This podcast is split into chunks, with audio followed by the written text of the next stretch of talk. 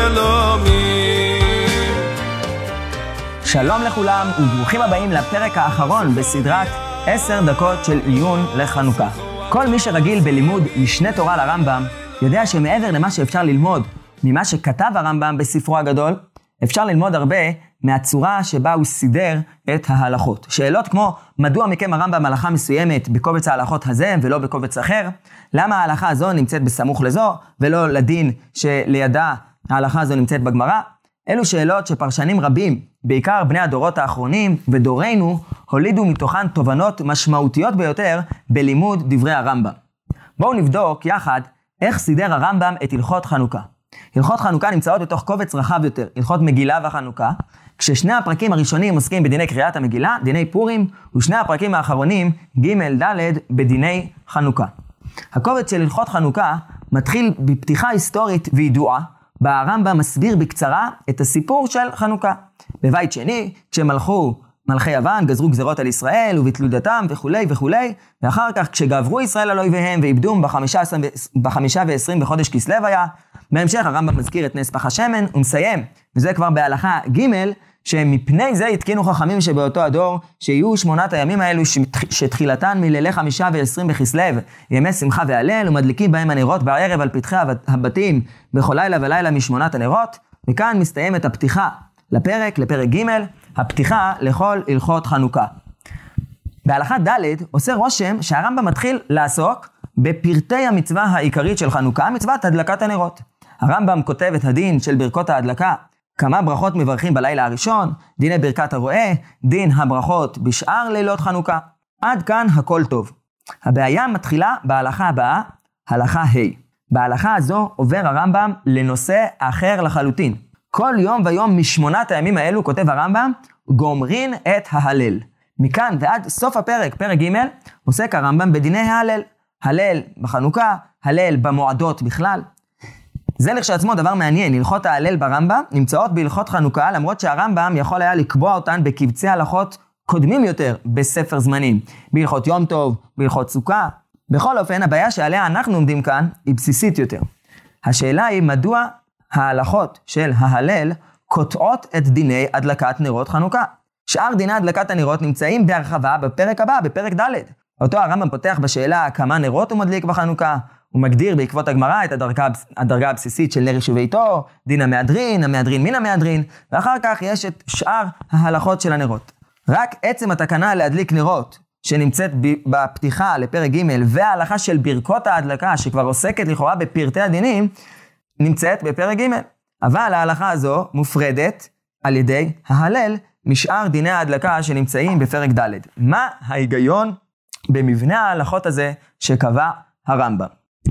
מעבר לבעיית הסדר, יש דבר מוזר מאוד בתוך ההלכות של ההלל, שנוגע גם כן לעניין של ברכות ההדלקה. הרמב"ם כותב שיש חובה לברך ברכת המצוות על ההלל, והוא מסביר שלמרות שקריאת ההלל היא חובה מדברי סופרים בלבד, עדיין מברכים עליה אשר קידשנו במצוותיו וציוונו. כותב הרמב"ם, כדרך שמברך על המגילה ועל העירוב. זה פלא פלאים. אנחנו הרי נמצאים בהלכות חנוכה, בפרק שבו הרמב"ם כבר כתב בפירוש שמברכים ברכת המצוות וברכות נוספות על הדלקת הנרות. זו הלכה ד' בפרק שלנו. כשהרמב"ם צריך להביא ראייה שמברכים ברכת המצוות על מצווה דה רבנן, על ההלל, הוא מביא לחמו מרחוק, מוכיח ממגילה, מעירוב, ולא מחנוכה. למה עשה זאת הרמב"ם? נראה מצירוף שתי השאלות הללו, ששיטת הרמב"ם היא שהברכות שאנחנו מברכים על הדלקת נרות חנוכה, שונות מהמעמד הרגיל של ברכת המצוות. כדי להסביר את העניין, נעיין בברייתא המפורסמת במסכת שבת, ברייתת מהי חנוכה, המספרת את הסיפור של נס חנוכה, ואת תקנת חכמים שבעקבות הסיפור. הברייתא מספרת שכשנכנסו יוונים להיכל, טימאו כל השמנים, וכשגברה מלכות בית חשמונאי ונכנסו להיכל, לא מצאו אלא פח שמן אחד, נעשה בו נס והדליקו ממנו שמונה ימים. והברייתא מסיימת, וזה מה שחשוב לנו, לשנה אחרת, קבעום ועשאום ימים טובים בהלל והודאה. מה פירוש הלל והודאה? רש"י מפרש שלא מדובר על שתי מילים נרדפות, הלל והודאה, אלא על שתי תקנות שונות. הלל פירושו הלל, הלל שלם. הודאה, מפרש רש"י, זה על הניסים, שתקנו לומר בתפילה בברכת ההודאה. הלל והודאה, הלל ועל הניסים. זה מה שקבעו חכמים לשנה אחרת לדורות. נחזור עכשיו לרמב"ם, איך הוא פירש את הברייתא. גם הרמב"ם מביא, כמו שראינו, את הסיפור של חנוכה בתחילת ההלכות, ובהלכה ג' הוא כותב, לאחר כל הסיפור של מה שאירע, ומפני זה תקנו, התקינו החכמים, שבא, התקינו חכמים שבאותו הדור, שזה ממש מקביל ללשון הברייתא לשנה אחרת, קבעום ועשאום. נו, אז מה קבעו לפי הרמב"ם? אז האמת היא שעל הניסים לא מופיע ברמב"ם בכלל בהלכות חנוכה. על הניסים מופיע רק בהלכות תפילה והלכות ברכת המזון, ונראה שלשיטת הרמב"ם, הלכות ברכות, בדינים, בפרק של ברכת המזון, ונראה שלשיטת הרמב"ם, ההלכה של על הניסים היא חלק מהתקנה הכללית של הזכרת מעין המאורע במועדים שונים.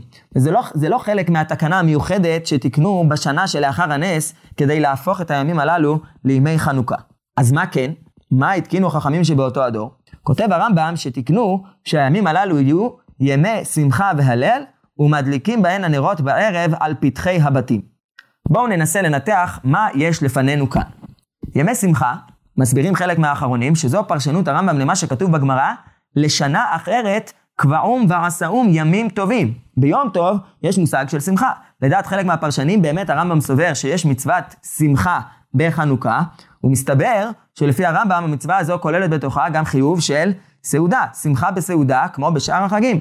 באמת, להלכה, השולחן ערוך פסק כשיטת מהר"ם מרוטנבורג, שהסעודות בחנוכה הן רשות. ברמה באמת מוזכרת השיטה שיש מושג של סעודות מצווה בחנוכה, וזו באמת הפשטות ברמב"ם, שבחנוכה יש דין של שמחה, יש דין של סעודה. אז זה לגבי ימי שמחה. שמחה והלל. הלל זה שוב כפשוטו. אז הרמב"ם פירש, עד עכשיו ראינו, לשנה אחרת קבעום ועשאום ימים טובים זה שמחה, הלל כפשוטו. נשאר לנו אם כן להבין כיצד הרמב"ם פירש את המילה הודאה. האם לשיטתו זו מילה נרדפת להלל? נראה פשוט ברמב"ם שההודאה מתפרשת על פי המשך דברי הרמב"ם. מה ההמשך? ימי שמחה והלל ומדליקים בהן הנרות על פתחי הבתים. וכך באמת מפורש בפסקי הריאז, רבי ישעיה האחרון, נכדו של הריד, כך הוא מפרש בסוגיה במסכת שבת, שהודאה בגמרא היא מה שמודים על הנס בהדלקת הנרות. הדלקת נרות חנוכה היא מעשה הודאה. הלל והודאה, הלל והדלקת הנרות. אין כאן רק מצווה של פרסום הנס כלפי חוץ, שאחרים יזכרו.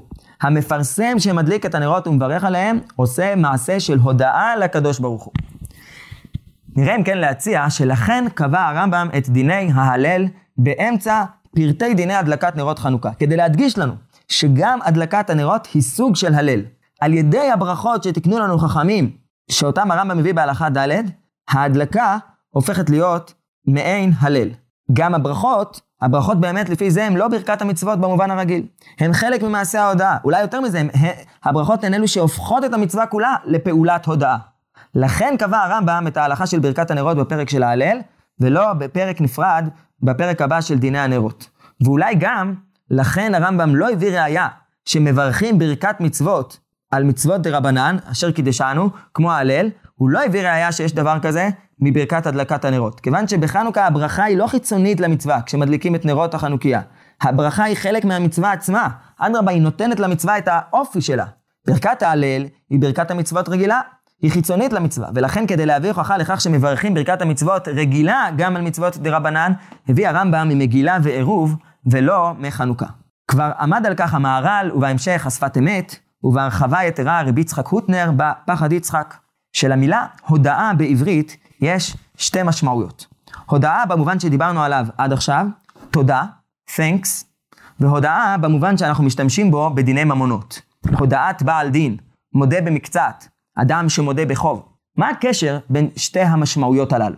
הקשר הוא שכאשר אדם מודה, אומר תודה, הוא בעצם מודה באיזו שייכות. הוא שייך אל האחר, הוא קיים כאן מכוח האחר. יש קשר, יש זיקה, סוג של תלות בינו לבין האחר שאליו מופנית ההודעה. כשאני אומר למישהו תודה על משהו שהוא עשה לי, אני בעצם מודה שאני חב לו את תודתי. הדלקת הנרות היא לא רק מעשה המורה כלפי חוץ לאחרים, שהיה נס. היא קודם כל מעשה שבו אנחנו, אנחנו אומרים משהו על עצמנו. אנחנו מודים. אנחנו מודים בשייכות שלנו, בזיקה שלנו למרחב האלוקי, למרחב של הנס, למרחב שהוא מעבר לטבע. מודים אנחנו לך על חיינו המסורים בידיך, על נפלאותיך וטובותיך שבכל עת, בימים ההם, בזמן הזה. חנוכה שמח לכולם.